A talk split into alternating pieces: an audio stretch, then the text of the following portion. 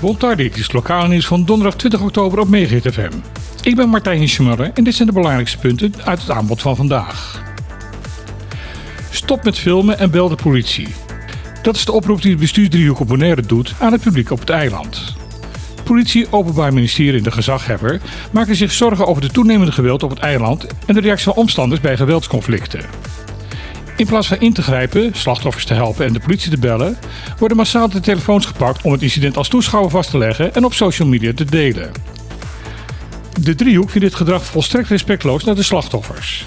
Er wordt ook benadrukt dat op deze manier het veiligheidsgevoel Bonaire ernstig wordt aangetast.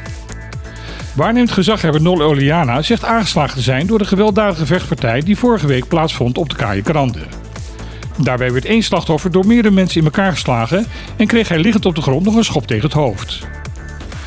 Oliana is van mening dat persoonlijke problemen, drank- en drugsgebruik nooit het excuus mogen zijn voor dergelijke geweldsuitbarstingen.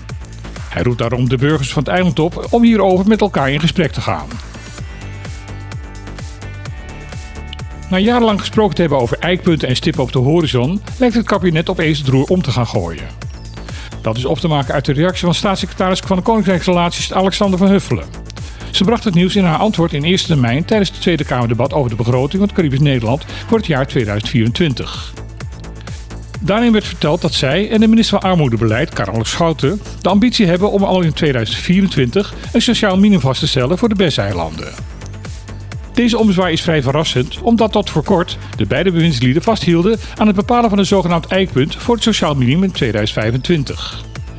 Dit eikpunt zou dan tientallen procenten lager komen te liggen dan het bedrag dat nodig is om een beetje fatsoenlijk op de eilanden te kunnen leven. De staatssecretaris temperde het optimisme over deze ontwikkeling wel weer gelijk.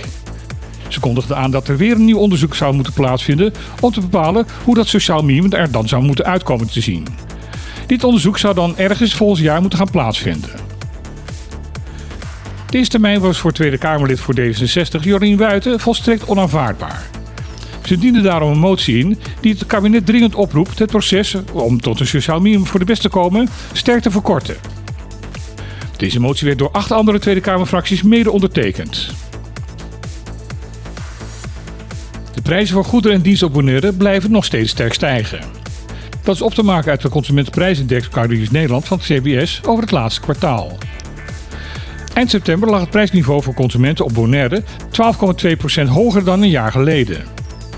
De sterkste prijsstijgers zijn daarbij elektriciteit met 16,1% en benzine met 13,4%. Een andere opvallende prijsstijging op alle drie de eilanden is die van de eieren. Die stegen ook al flink in het tweede kwartaal van het jaar. Daarnaast is er al een geruime tijd een ernstig tekort aan dit product te constateren op de verschillende eilanden. Veel consumenten klagen dat het alweer weken geleden is dat ze voor het laatst een doos eieren hebben kunnen kopen. MBO-onderwijs in Caribisch Nederland gaat de komende jaren een extra financiële injectie krijgen van 1,3 miljoen euro per jaar. Dat heeft minister Robert Dijkgraaf van Onderwijs bekendgemaakt. Daarmee wil de minister het MBO op de BES-eilanden een kwaliteitsimpuls geven. Voor hem is het MBO en de BES in hoofdlijnen gelijk aan het MBO-onderwijs in Europees Nederland. Volgens Dijkgraaf zijn de omstandigheden op de eilanden wel vaak anders en vraagt het extra inspanningen om met de specifieke uitdagingen toch een inhaalslag te maken. Hij kondigde aan dat hij ook bezig is met nieuwe wetgeving rondom het MBO-onderwijs in de BES. Daarmee zouden kwaliteitsnormen en kaders in zowel Caribisch als in Europees Nederland aan elkaar gelijk moeten worden gemaakt. De aanstaande wetsaanpassing is volgens de bewindsland noodzakelijk, omdat door de enorme inhaalslag die het mbo-onderwijs de laatste jaren hier heeft doorgemaakt, veel van de kwaliteitsnormen en kaders die speciaal voor de beste golden nu achterhaald zijn. Dit was weer de lokale nieuws van MeeGTFM. Zoals altijd wensen we u nog een hele mooie dag en graag tot morgen.